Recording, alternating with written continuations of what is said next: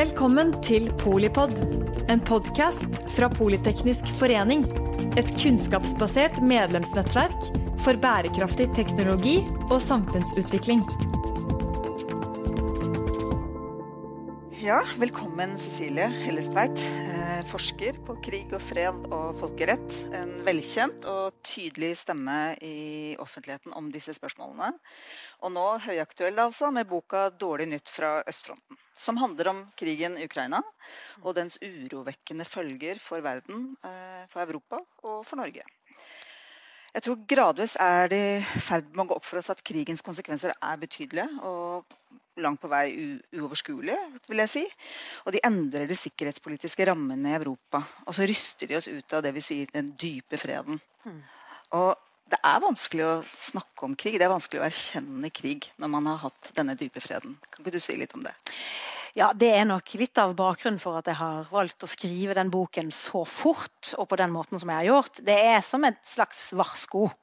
Fordi dette er en dramatisk, en monumental hendelse i europeisk historie. Fordi jeg mener at den bringer hele etterkrigstiden til endes, og etterkrigstiden kommer ikke tilbake. Nå er det noe nytt som står foran oss, eh, og det ligner ikke på det vi kommer ifra. Og jeg har jobbet med krig og, og på en måte samfunn i væpnet konflikt i mange år, og vet ganske mye om de dynamikkene som da settes i sving. Og jeg vet også at dette er ikke vi forberedt på. Ikke mentalt, ikke strukturelt, ikke politisk, ikke økonomisk. Vi har på en måte ikke den eh, skal vi si, det immunsystemet som man gjerne har i en del andre samfunn som er mer vant med konflikter. Vi har rett og slett, eh, vi som lever i dag, vi har aldri levd i en krig. Vi har aldri opplevd væpnet konflikt på kroppen nært på oss. Og det gjør oss veldig sårbare, etter mitt skjønn. Så det er jo på en måte en sånn forsøk fra, fra, min side på å si at nå må vi sette oss ned og snakke sammen om hva som er i ferd med å skje, og se på hva vi skal gjøre.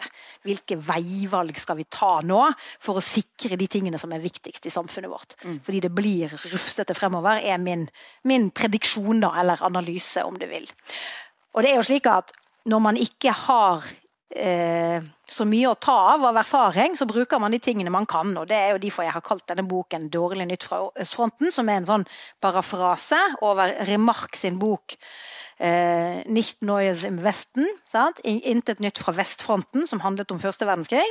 Som er en eh, krig som på mange måter minner litt om dette, ikke sant? med stillingskrig og eh, forferdelig industriell krigføring, egentlig. Og så østfronten, som jo er andre verdenskrig. Og også mye av det vokabularet vi bruker rundt denne krigen, kommer fra andre verdenskrig. Og mitt poeng er jo at dette er verken første eller andre verdenskrig. Vi bør ikke grave oss ned i analogiene derifra, for dette her er noe helt nytt. Og det må vi prøve å forstå. Mm. Og så skriver du undertittelen heter 'Krigen som endrer alt'. skriver du, Og det er jo en dramatisk eh, postulat. Og så har du da eh, eh rammet denne boken inn i 20 på en måte teser, eller 22 teser ja. som du da fremmer som påstander som, som, er på en måte det veldig pedagogiske, og på den måten kan vi liksom diskutere med deg. Hva er det du egentlig tar opp? Og så avslutter du jo da etter dine fire deler med jeg vil si 10 000 kroner-spørsmålet. Hva, hva, gjør vi nå? Og Det kan vi komme litt inn på seinere. Eh, men i innledningen i boka di så skriver du at årsakene til konflikten mellom Russland og Ukraina siden 2014 for dette er jo noe som har pågått lenge, er lokale, og de er geopolitiske. Mm. Si litt om det. Nei, Det er jo en, et trekk som Ukraina-krigen har til felles med de krigene vi har sett de siste årene. Syria-krigen f.eks., eller Jemen-krigen, som i likhet med Ukraina har eh, historiske røtter. Som av ulike årsaker har kommet opp og blusset opp. Og så har det blitt en veldig intens lokal konflikt. Og i dette tilfellet her, sant, spørsmålet om skal Ukraina få lov til å være et slavisk folk som binder seg vestover, eller skal Russland tvinge Ukraina tilbake igjen i folden og presse Ukraina østover igjen? Hva slags styresett skal det være, hva slags sikkerhetspolitisk overbygning skal det være, og hva slags relasjon skal det være mellom de to slaviske broderfolkene, om du vil. Det er på en måte den kjernen i den lokale konflikten, sånn som jeg ser det.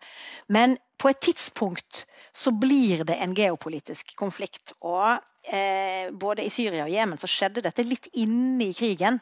Etter to år, etter ett og et halvt år, mens i Ukraina så skjer det veldig raskt inn i, i eh, det, som, det som er Russlands angrep i februar. Fordi jeg anser det for å være en ny krig.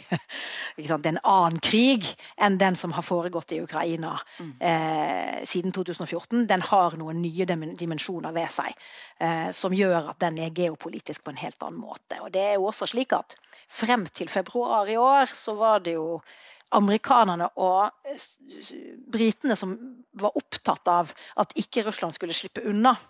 Mens tyskerne og franskmennene var mer imøtekommende og ønsket at man skulle få til en, en, en mer minnelig løsning.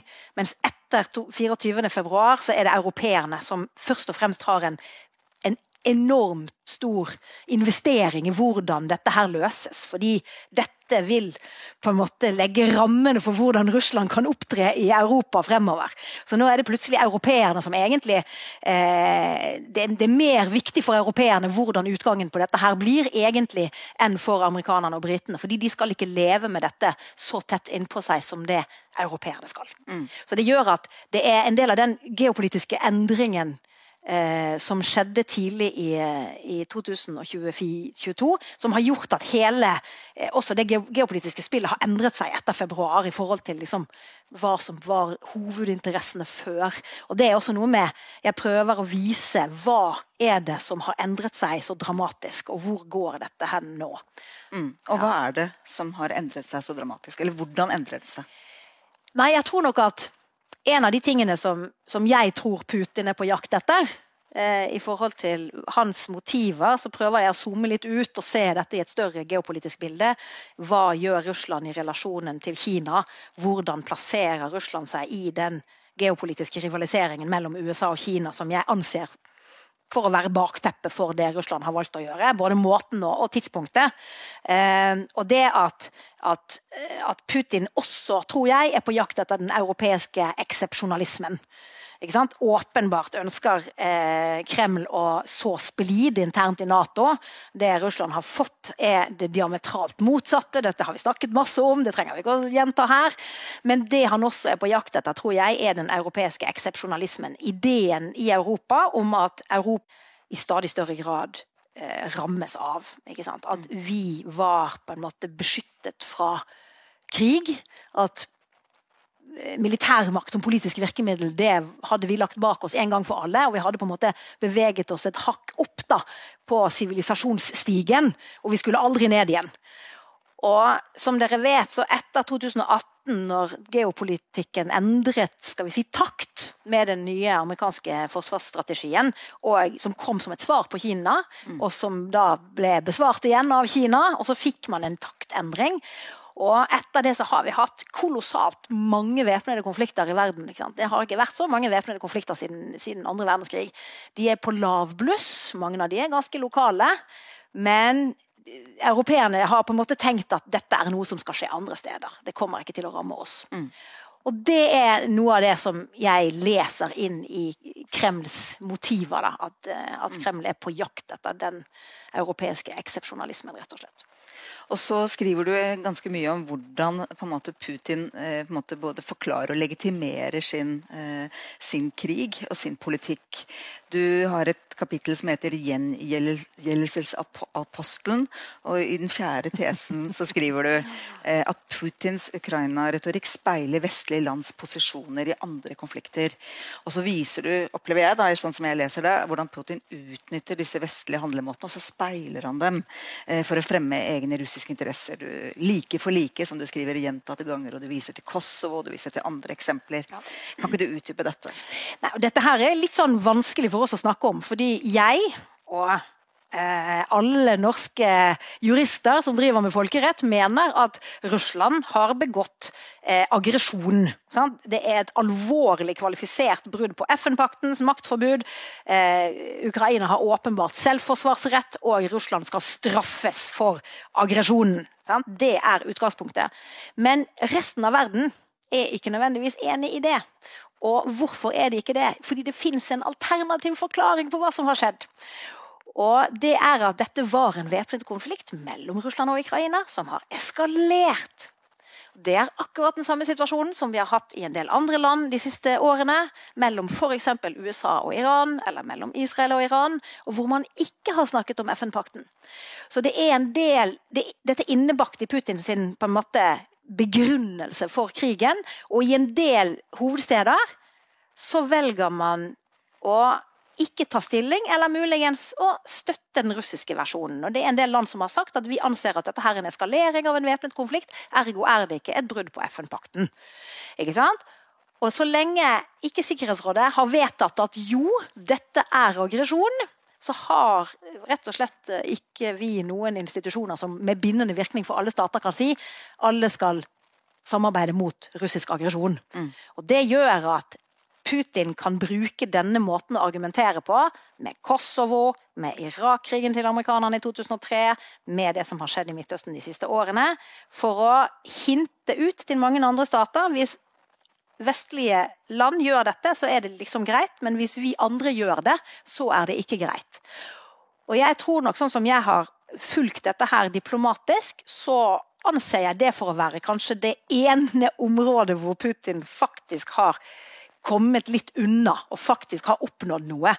Så han har ganske stor støtte hos en del stater i den, det globale sør, da særlig, gjerne regionale stormakter, som gjerne ser at det blir muligheter for de til å bruke militærmakt i sine nærområder.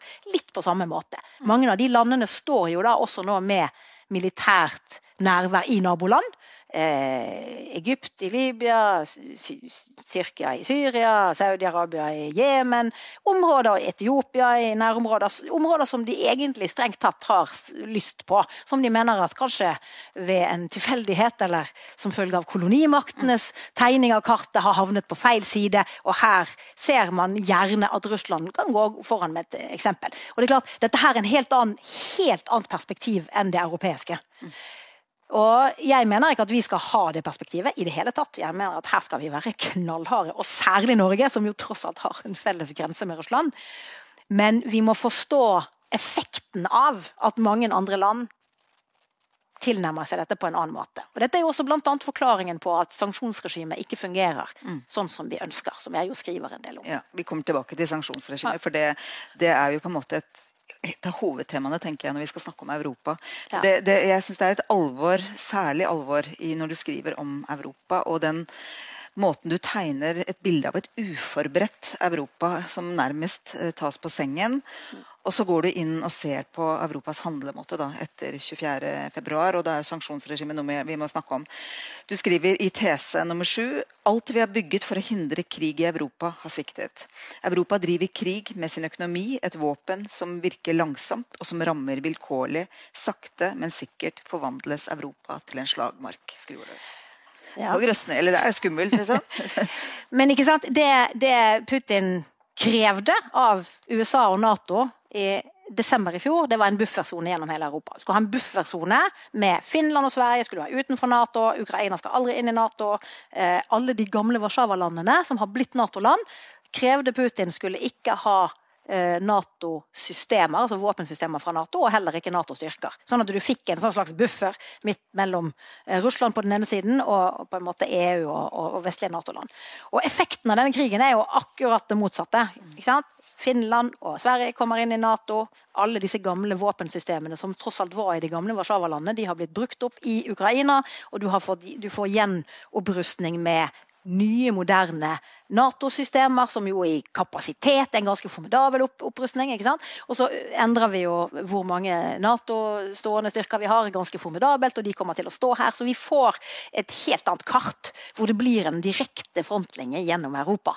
ikke sant? Så det er jo en følge av krigen, og det er helt naturlige konsekvenser av det. Og så har du en, den økonomiske motkrigen, som også bryter båndene mellom Russland og Europa. Så det vi har tenkt, er jo at vi skal bygge institusjoner OSSE, Organisasjonen for sikkerhet og samarbeid, Den europeiske menneskerettighetskonvensjonen og Europarådet. ikke sant? Eh, tyskerne som bestemte seg eh, i 2015, da de skjønte at russerne gikk inn i Syria og så trakk tilbake våpnene sine, og så sa de vi tar heller den humanitære belastningen med flyktninger, for vi vil ikke risikere en konflikt med Russland over Syria. Og Istedenfor så, så, så bestemmer tyskerne seg for at vi skal eie det russiske budsjettet. All russisk gass skal kjøpes av oss, slik at Russland aldri skal vurdere å bruke militærmakt i Europa, f.eks. rundt Ukraina igjen, fordi de skal ikke ha råd til det. Fordi det er på en måte Brussel eller Berlin som skal kontrollere Russlands statsbudsjett i praksis. Det var liksom tanken. Vi skal ikke ha krig til Europa, for vi skal ha det skal koste for mye, og det skal være rett og slett utenkelig. Og En av mine forklaringer på hvorfor så mange bommet i Europa i februar, hvor man satt gjentatte ganger og sa nei, men altså, ok, russerne truer med å gå inn, men, men de sto eh, sånn i februar, april i fjor også, og da gjorde de det ikke. En av årsakene er at vi har ikke forberedt oss på noe som helst måte for den eventualiteten. Og de som da sa dette kommer ikke til å skje, tenkte både på alle de tingene vi har gjort for å hindre at det skal skje, men også at man skimter konsekvensene dersom Russland faktisk skulle gjøre det. Sant? Fordi det er, en, en, det er en katastrofe for Europa. Fordi institusjonene vi har bygget etter andre verdenskrig, ikke har klart å hindre gjenintroduksjonen av langkrig som politisk virkemiddel på europeisk jord. Hva skal vi bruke da, da? Hva skal vi bruke nå for å beskytte ukrainerne? Jo, nå kan vi på en måte vi kan, vi kan gi det støtte, men hva skal vi gjøre til neste år? Hva gjør vi om fem år? Hva gjør vi om ti år? Når vårt virkemiddel, som er institusjonsbygging og økonomisk samkvem, ikke klarer å hindre det? Hva er det da som skal hindre det? Det er jo det store spørsmålet. Mm. Og er det kon konvensjonell opprustning i Europa? Er det den veien vi skal gå? Her nøler jo noen, fordi man vet at hvis man går den veien, så, så setter det i sving noen egne eh, virkemidler. Så det er på en måte det er en, et enormt vannskille, etter mitt skjønn, i europeisk historie. Dette med at man man, man, rett og slett nå står i en, i en, samtid som man hadde trodd at man aldri skulle stå i. rett og slett. Samtidig så, så står jo Europa mer samlet eh, enn en Putin hadde forventet. Og, og, og, det samholdet ser ut til å holde enn så lenge. Men hvis vi skal tenke litt over tid Og du snakker jo du skriver mye om sanksjonsregimet og, du, eh, og på en måte belastningen for oss eh, i å stå i et sånt sanksjonsregime. Det er også politisk veldig sensitivt, men vi må jo snakke om det. Ja, jeg tenker nok at eh, EU endret seg jo ganske mye fra 2019, da du fikk Ursula von der Leyen sin kommisjon, som hun erklærte jo dette er min geopolitiske kommisjon. ikke sant? Hvor man begynte å snakke om hva skal vi gjøre for å beskytte Europa i den nye geopolitiske virkeligheten. Men det har også handlet først og fremst om økonomisk beskyttelse. ikke sant? Eller, eller, eller ha på plass noen mekanismer som europeerne er komfortable med. Eh, og dette spørsmålet om, om mer eh, militært samarbeid og sikkerhetspolitisk samarbeid samarbeid, sanksjonsregime som er eventuelt da, eh, basert på flertallsavgjørelser. Da, da, må EU endre karakter. Da må du få en helt annen eh, samling i sentrum. Og du ser jo det og nå også, nå begynner utenriks... Eh, sjefen i EU å si at vi trenger også en egen etterretningsorganisasjon, fordi at vi får bare diplomatene sine innmeldinger, og vi, vi, må ha en måte litt, vi må ha en helt annen struktur. Da. Så dette kommer jo nå ganske fort. Eh, så spørsmålet er hva kommer EU til å gjøre med det. EU utvikler seg jo vanligvis i forbindelse med kriser, som en reaksjon på kriser. Eh, og dette er tenker jeg, så alvorlig at det, det, kommer til å skje store endringer i Europa i årene fremover. Jeg har jo drevet med, med, med forskning på krig, og også i Europa. Og, og, har vært med på en god del europeiske forskningsprosjekter som er finansiert eh, av EU. Og Der er det slik at man, man forsker jo ikke på krig. Landkrig, på en måte. Det, det, driver man ikke med, fordi det tilhører fortiden, og for Europa er det irrelevant. Og Det har også vært en slags en slags eh, målsetning, rett og slett. At vi skal ikke ha et vokabular for den type kriger. Det skal historikerne få drive med. De som driver med samfunnsforskning om nåtiden og, og nær sagt fremtiden. Som driver med normative ting, folkerett og sånn. Vi skal ikke drive med dette. Det er bortkastet, uh, rett og slett. ikke sant? Og Det er jo det som er problemet nå. Og, og litt av det er også for så vidt skriver, at vi har ikke et, veldig godt vokabular for det som skjer. Også innenfor folkeretten så er det det regelsettet som nå gjelder, det er ikke et regelsett vi uh, kan så godt, og ikke helt forstår vi rammene for det fordi vi har ikke brukt det på den måten som vi nå må bruke det. ikke sant?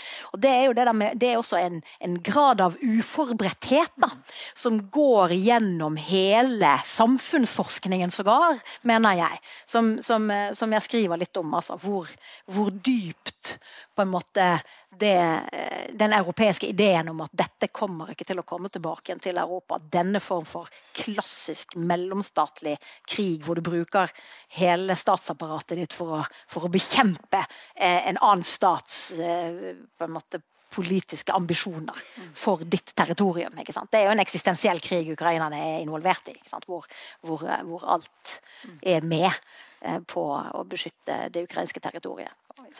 Det er en kognitiv underskudd eh, på en måte i forhold til å forstå eh, hva vi faktisk står i, og hva vi, skal, hva vi må forberede oss på. Mm.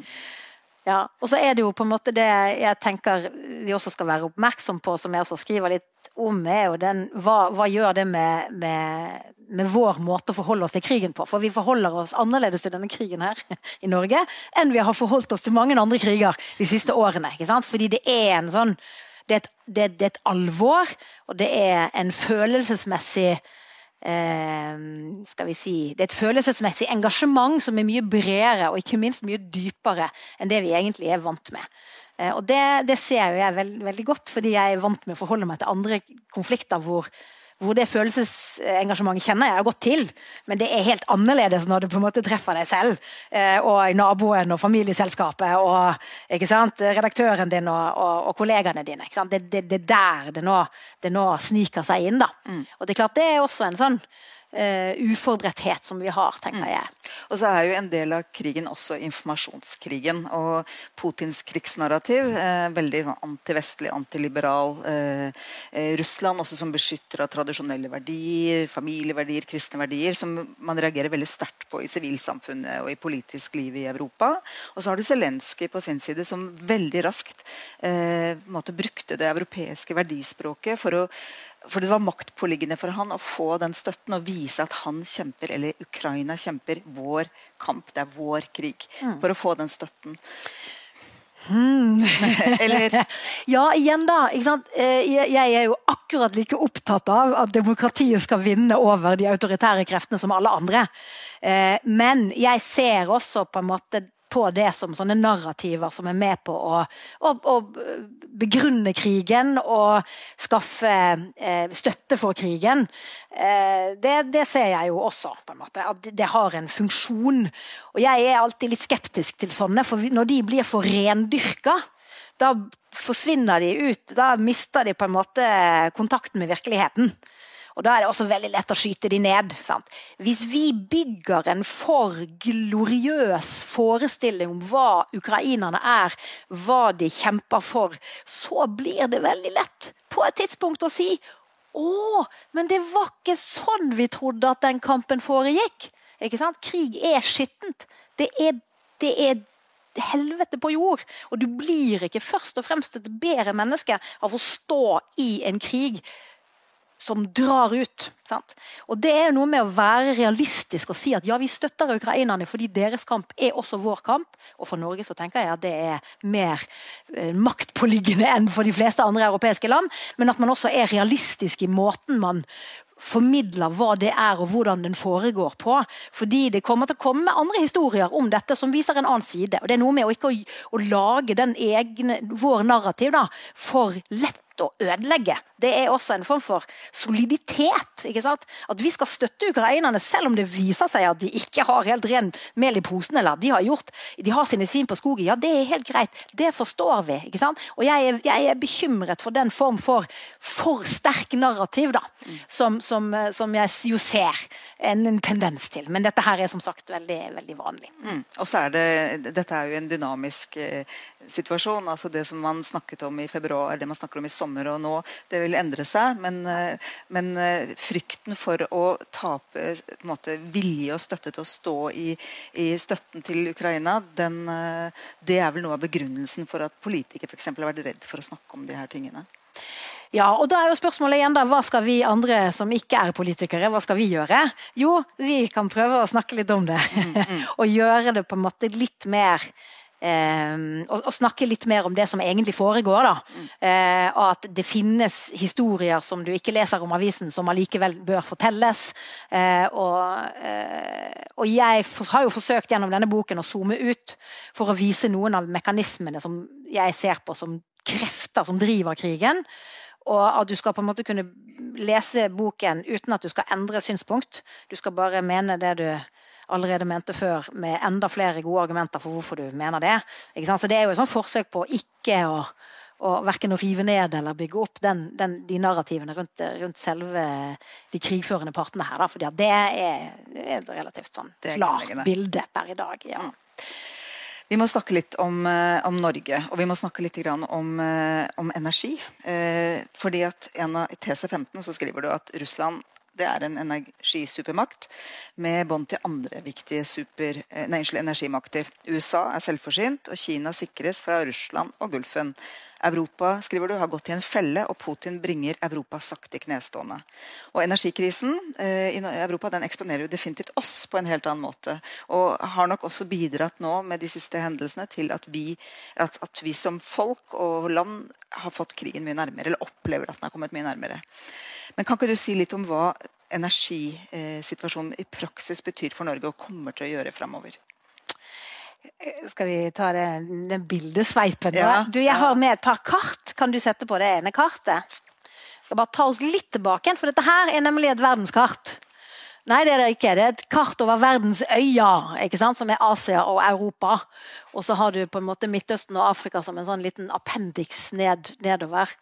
Og dette her er eh, de kinesiske eh, silkeveiene, den kinesiske landsilkeveien som Xi Jinping annonserte fra Astana i Kasakhstan, altså midt i liksom hjertet av verdensøya, eh, høsten 2013. Måneden etter at det ble klart at amerikanerne trakk seg militært ut fra Midtøsten, når de ikke gikk inn i Syria etter dette kjemivåpenangrepet. Da skjønte alle at nå har amerikanerne forlatt Midtøsten for godt. Hvem skal inn nå? Så kommer Xi da med sin annonsering av silkeveien en, eh, en måned seinere. Og etter det så, så, skjer det ganske mye i, i Midtøsten. Sant? Fordi at eh, Da skjønner man at amerikanerne skal ut, og man begynner å bevæpne seg til tennene i Gulfen. Eh, og så begynner man sakte, men sikkert å strekke ut en hånd nordover til Russland og østover til Kina.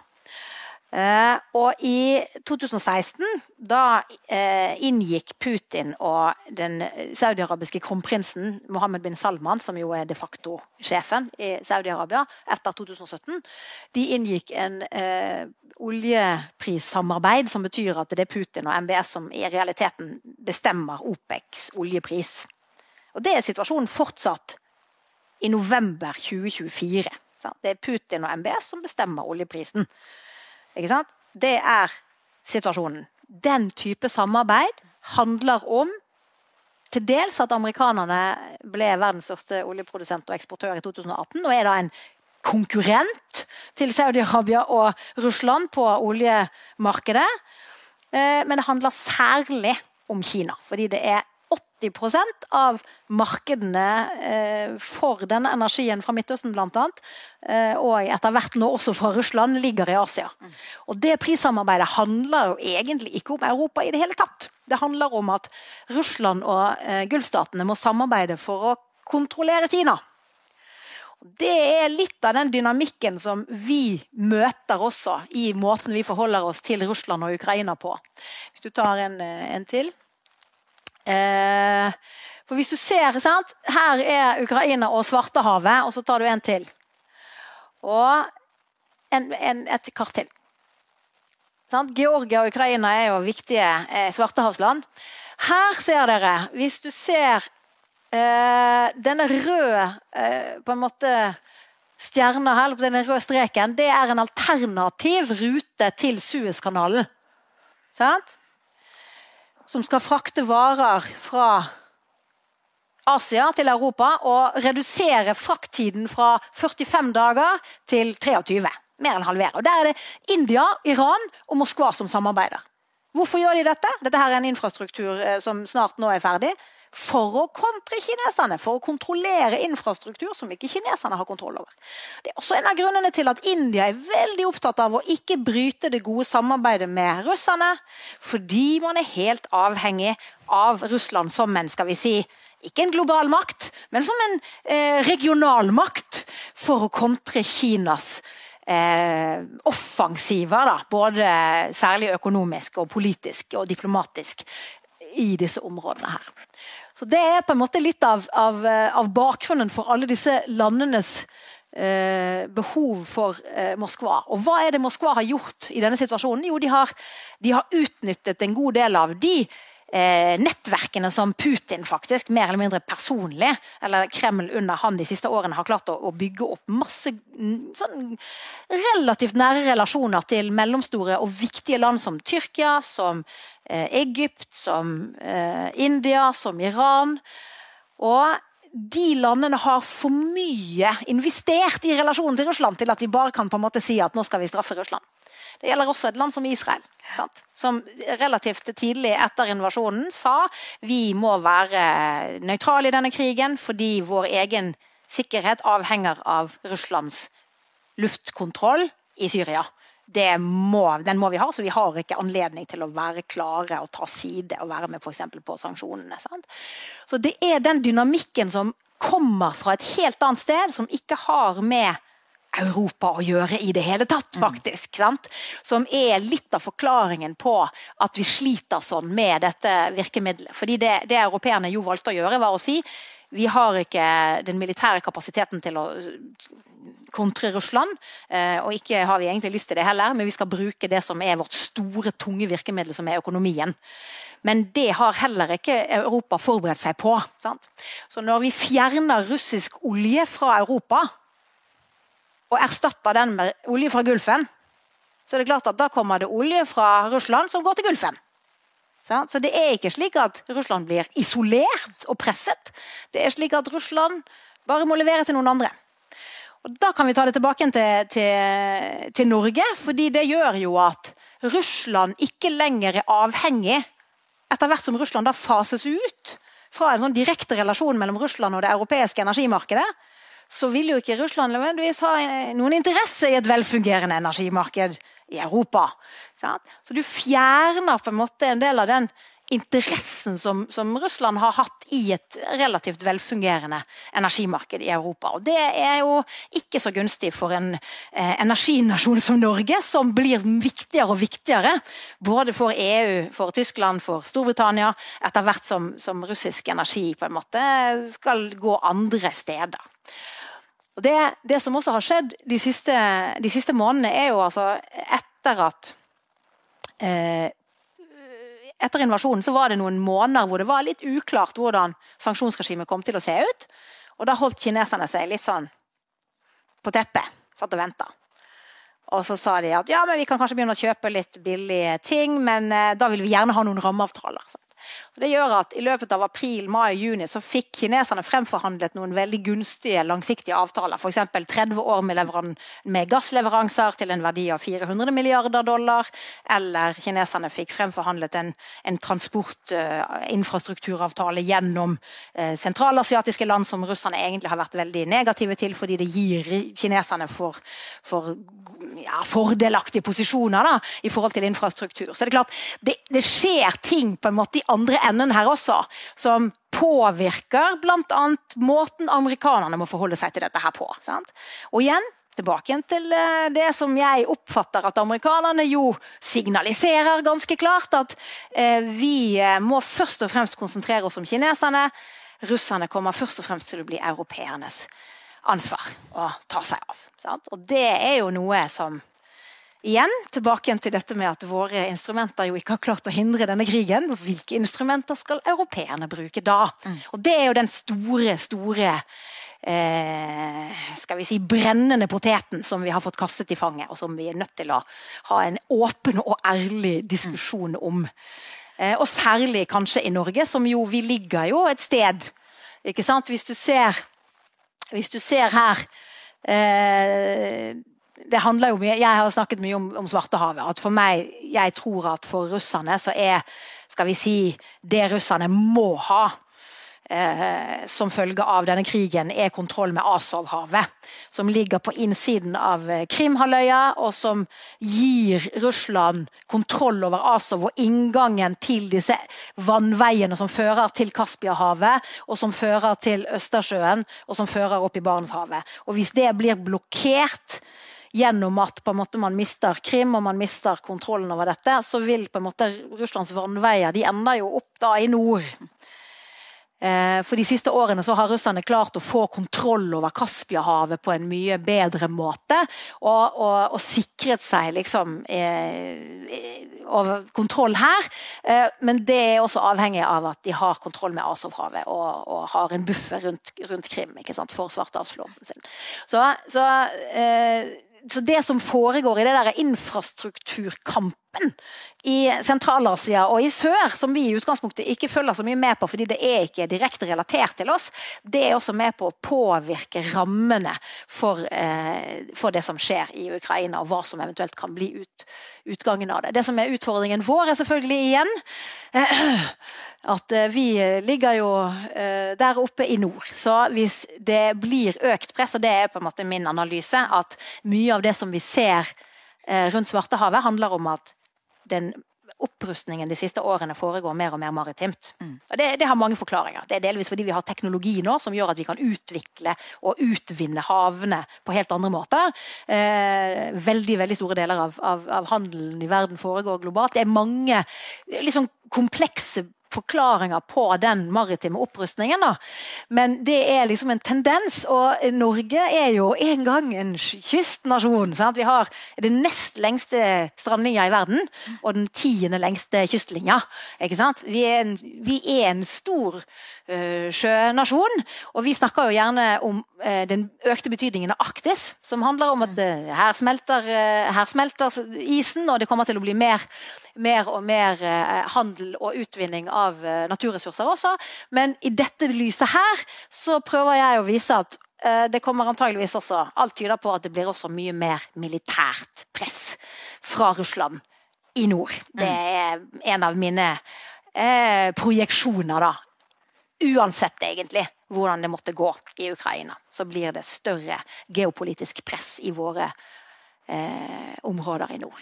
Men da, da, må vi jo rett og slett uh, tenke mer på hvordan vi håndterer det. Og da er jo spørsmålet uh, hva gjør vi? Hva gjør vi nå? Og hva bør vi gjøre fremover? Hva blir Norges rolle i Arktis? Det er jo vanskelig, hvis du tar den neste, den neste sliden. Sant? Fordi, også, den, også den neste etter den. Sant? Fordi hvis du ser i nord, da, så ser vi jo at her er Norge. sant? Og Vi er jo så glad for at Finland kommer inn i Nato. fordi å, de har liksom 1340 km lang grense med Russland, så nå er det ho, Eh, og det finnes en, svensk, nei, en, en finsk soldat under en, hver, hver, en tue langs hele den grensen. Mens i Norge så har vi liksom så under 200 km. Det er ingenting sammenlignet med det som, som finnene eh, har. Og dette blir Nato. Og det blir eh, et helt annet bilde i, i nord for Nato eh, etter at Finland og Sverige kommer inn. ikke sant? Men hvis du går ut til sjøs da igjen, i og med at det maritime domenet eh, tiltar på en måte i betydning, som selvfølgelig også har med kineserne å gjøre. Eh, så er det plutselig denne linjen her som er viktig. da, sant? Den som går opp her, og Der er det jo norske i hvert fall økonomisk sone. Så har du Svalbard, og så har du det gule, som er Russland. Sant? Så til sjøs så har vi en Der er det jo en helt annen relasjon. Og vi er jo sågar en slags port ikke sant, inn til Europa fra Russland og om du vil eh, Kina, da, hvis, eh, hvis, man ser for seg at eh, de beveger seg der oppe. Så det er noen sånne store strukturelle endringer som eksponerer Norge på nye måter. Og det er det jeg mener med dette med at Norge er i ferd med å bli en strategisk periferi. Mm. Under den kalde krigen så var vi stormens øye. Vi hadde Sovjetunionen her, og vi hadde USA og Canada og Nato her, og så lå liksom dette området her der som en sånn, sånn kile opp i relasjonen mellom øst og vest. Og der er det jo midt i stormens øye er det jo blikkstille. Sant? Og da har du lov til å drive med avskrekking, og du har lov til å drive med brobygging, for det har egentlig alle litt interesse av i perioder, litt avhengig av når man er. Mens de strategiske perifere områdene det var jo i Afrika og Latin-Amerika og subkontinentet i Asia, og der så det jo helt annerledes ut. Og nå, hvor er liksom eh, stormens øye? Jo, det er jo Taiwan og områdene rundt Taiwan. Og det er jo omtrent så langt unna Norge på kartet som det er mulig å komme. Men det betyr ikke at Norge begynner å bli så perifer, fordi vi er strategisk viktig periferi. Da. Og det er noe av det som jeg har blitt mer og mer opptatt av de siste årene. At, at, jeg ser det i de områdene og de konfliktene som jeg følger. At de som ligger strategisk viktig til, mm. men perifert. Der er det mye stormaktspolitikk, og der, der, manifesterer stormaktsrivaliseringen seg gjerne på, mm. på, på, litt røffe måter. rett og slett. Og Det er også det jeg skriver om i forhold til Norge, at vi risikerer å bli en slags brohodeland eller en slags postboks for eh, stormakter som etter hvert begynner å ha ganske strategiske interesser i våre nærområder. Eh, vi er jo et, eh, er et helt sentralt Nato-land for det maritime. Vi er ikke med i EU.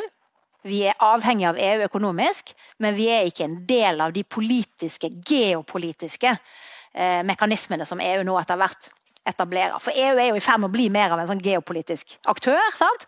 Det betyr at når Litauen legger seg ut med Kina og blir kastet i den kinesiske fryseboksen, så blir det en sak på Brussel sitt bord. Hvis Norge blir kastet i den kinesiske fryseboksen, så er det et, en sak som er på statsministerens kontor sitt bord. Altså det, er, det, er, ikke den relasjonen vi har til EU, og vi kan ikke nødvendigvis forvente beskyttelse heller. Sant? Og Det gjør at vi er i ferd med å komme i en sånn utsatt posisjon. Og dette her er jo en mekanisme som vi kjenner fra andre regioner. Og så kan du jo selvfølgelig si at ja, men dette er Europa. Slikt skjer ikke her. Og da sier jeg at det jeg har sett de siste årene, gir meg ikke, ingen grunn til å være spesielt beroliget i forhold til det. Jeg tror at dette her er en type press som også kan ramme oss. Og jeg bruker jo det, det ene eksempelet i, i, boka fra 2019, ikke sant? Da, da EU og, og, Iran og USA satt i, i forhandlinger i Wien Eh, om atomavtalen. Og eh, seks eh, tankere i Midtøsten ble angrepet, og to av de var norske. Én var japansk, og tre var fra Gulfen. Sant? Japan, nær eh, alliert av amerikanerne, for så vidt, men Norge, europeisk land. Europeisk land Eh, europeiske tankere ble Det var ikke store angrep, det var sabotasjeangrep. Men det var en helt klar signalering fra Iran til Europa. Mm. At vi kan, vi kan, ramme europeisk infrastruktur hvis vi vil. Men i og med at ikke det var Danmark eller Belgia som var rammet, så trengte ikke EU eh, e å ta det med seg inn i forhandlingene. De bare noterte seg det. Sant? Og da, det jeg oppfatter at da blir Norge på en måte en sånn slags eksponert aktør som eh, blir litt sånn postboks, rett og slett. Og da er det du mot slutten av boka nettopp tar opp dette med vi må begynne å snakke om EU. Eh, og da er vi jo langt inne i det norske måte, politiske traumet, nemlig ja, ja. eh, EU-debatten, som jo vi, ingen ørker og tør å ta. Og som har, eh, så sier noe om måte, demokratiets kår til å faktisk diskutere de viktige spørsmålene. Ja, og jeg, jeg, vil ikke at nå skal vi inn i EU, dere. Nå skal vi kaste av alt, og så skal vi inn i EU. For jeg tror at det for Norge å gå inn i EU nå kommer til å koste kjempemye. Og jeg tror ikke nødvendigvis at vi ikke kommer til å bli en postboks selv om vi går inn i EU òg. Det har vi ingen garanti for. ikke sant? Og hvem som eventuelt vil bruke oss som, som brohode, det kan også da, da, bestemmer vi jo ikke alt selv lenger. sant? Men, Men jeg, vil skal, ja, jeg vil at vi skal ha en diskusjon om vår relasjon til EU, fordi da vil vi få eksponert disse sikkerhetspolitiske dimensjonene som har endret seg. Jeg har ikke noe synspunkt på om vi skal inn eller ikke, fordi jeg vet hvordan hjernen fungerer. I det øyeblikket du har bestemt deg, så eh, begynner du å selektere informasjon, og du ser den helt annerledes. Så jeg har ikke noen, noen, synspunkter på det, men jeg vil at vi skal ta en diskusjon på hva betyr det nå for Norge å stå på utsiden av EU, og hva betyr det for Norge å gå inn. Og det handler ikke lenger kanskje primært om økonomi. Det handler om andre ting ting som vi aldri egentlig har hatt som en del av EU-debatten i Norge. Mm. Og det jeg vil at vi skal, er at vi skal snakke oss igjennom scenarioer. At vi skal se på hvordan vi er eksponert. Og så kan du si jo, men det der er så farlig for Norge, fordi at hvis vi diskuterer dette, så er det plutselig så mange andre der ute som følger med på hva vi diskuterer. Og Det var kanskje situasjonen under den kalde krigen. Vi var, stormens, vi var midt i liksom, stormens uh, øye. Og da er det litt viktig for de store hva eventuelt Norge måtte ende opp med. Nå Sorry, guys, nobody cares. Sant? Det er vi som må forvalte vår egen sikkerhet her. Det er vi som må tenke på hvordan vi eksponeres. Hva er det som er farene våre nå? Hva er styrkene våre? Hva skal vi bruke for å møte denne mye mer usikre tiden vi er på vei inn i? Sant? Og vi skal også huske på det. Um, vi er de største krigsprofitørene på denne krigen. Etter hvert som resten av Europa går inn i resesjon, og det blir kaldere, og det blir mindre mat, og folk blir mer og mer sinte, og vi tjener mer og mer penger. Sant? Vi tjener masse penger på denne krigen. Hva er det, det snart nærmer seg 2000 milliarder. Hva, hva, gjør vi med det? Eksponerer det oss mer? Er det slik at man tenker at man må i hvert fall ikke røre Norge, fordi de er bare de er så rike der oppe.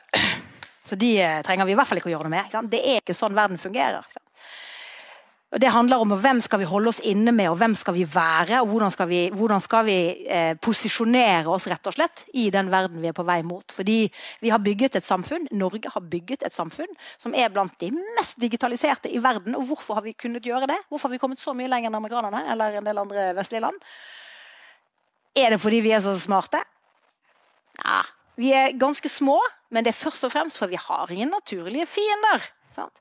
Vi har kunnet tenke at ja, vi har noen hackere som er et problem, og så kan vi jo se for oss at noen terrorister eventuelt skulle angripe oss, fordi de, først og fremst fordi de ikke liker eh, vennene våre, og så kunne de eventuelt ramme oss. Sant? Men vi har ikke noen kapable naturlige fiender som vi er nødt til å tenke på når vi bygger vår egen digitale infrastruktur, f.eks. Og det er jo det den måten vi har bygget landet vårt på. Vi har bygget landet vårt for en evig sommer. Og nå har det begynt å blå. Det har blåst en stund, men nå er liksom oktoberstormen liksom, Vi kjenner at det begynner å dra. Hva gjør vi nå, da? Sånn, når du har vært klatremus gjennom hele sommeren og hvor er Morten Skogmus? Nei, han er ingen steder å se. Hva gjør vi nå? Og Det er det som er mitt poeng. Vi må ha en diskusjon. og Det handler ikke om å på en måte male svarteper på den som eventuelt har mest ansvar for dette. Det er et kollektivt ansvar. Vi er like skyldige hele gjengen. Sant? Men vi må, vi må på en måte ta, stikke fingrene i jorda og tenke hva gjør vi nå? Hva er situasjonen? Bør vi vurdere et EU-medlemskap? Bør vi holde oss unna det, og hvorfor det? Hva er det som har endret seg? Fordi, og jeg er ganske opptatt av dette. Jeg jobber jo en del med, med oljefondet gjennom Etikkrådet. Eh, og tenker ganske ofte på hvor mye penger vi har. Eller verdier vi eier i dag. Mm. Men jeg må si at det som er liksom arvesølvet vårt, er jo ikke det. Ikke det arvesølvet vårt det er tilliten vi har i det norske samfunn. Den er ganske unik. Fortsatt. Det, det røyner på, det må vi kunne si. Mm. Men den tilliten mellom borgerne og mellom borgerne og styresmaktene den er fortsatt veldig mye bedre enn i så å si alle andre land i verden. Vi, er fortsatt, vi rager på toppen av demokratiindekser, og det er ikke bare tull. Når jeg snakker med sivilsamfunnsorganisasjoner i andre land, og vi forklarer dem hvordan de deltar i høringsprosesser i forhold til sant, norsk lovgivning, eller, eller hvordan de, de, samarbeider med statsmaktene, så får de hakeslepp. Fordi det er nesten ingen steder i verden at det går an å operere sånn som vi gjør i Norge. Og vi har fortsatt en, en, et sterkt demokrati, mm. og så er spørsmålet hva gjør vi for å klare å bevare det gjennom det der ja, den, den, stormen da, som mm. trolig er på vei vår vei. Vet du hva, Cecilie, det var alt vi rakk. Eh, takk for boka di. Takk for eh, samtalen. Og eh, takk for at du minner oss på at vi står i en situasjon som vi nok må leve med en god stund fremover. Jeg håper at vi tør å ta de riktige debattene fremover.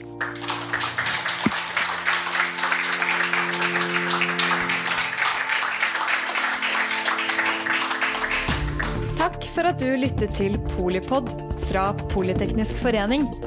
Få med deg flere episoder, eller bli med på nettverksmøtene som du finner på at polyteknisk.